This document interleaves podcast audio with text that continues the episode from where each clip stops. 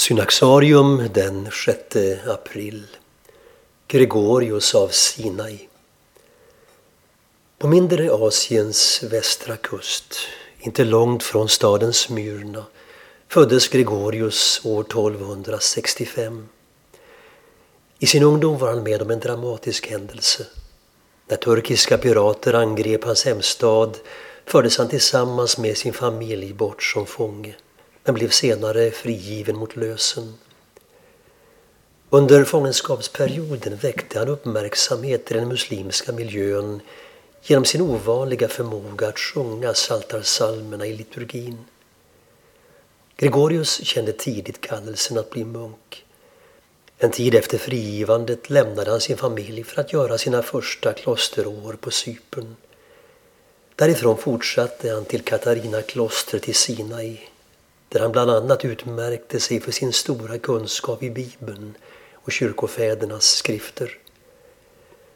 Även om han inte levde så lång period i klostret har han sitt namn härifrån eftersom det var här han vigdes till munk.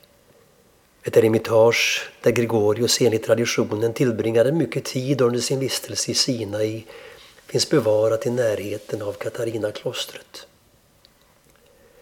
Så småningom begav han sig ut på en pilgrimsresa och kom via Jerusalem och Kreta till det heliga berget Athos i Grekland i början av 1300-talet.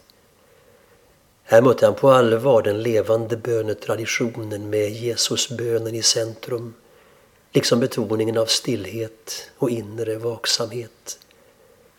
Redan på Kreta hade han fått undervisning om denna bön genom mötet med en munk som hette Arsenius Gregorius inträdde aldrig i något av de större klostren på Athos utan levde där som eremit i ungefär ett kvarts sekel.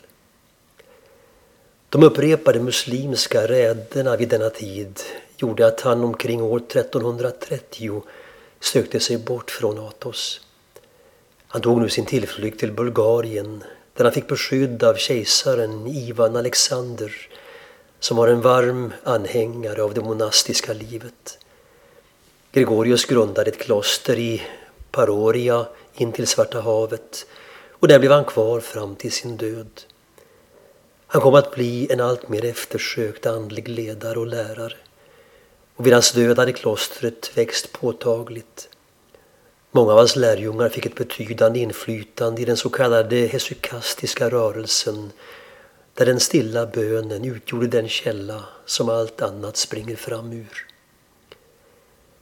Fem skrifter av Gregorius av Sinai ingår i Filokalia, den samling andliga texter som i ortodox tradition utgör den viktigaste undervisningen efter Bibeln. Hans skrifter präglas av samma anda och övertygelser som den något yngre Gregorius av Palamas som tillhörde generationen efter honom.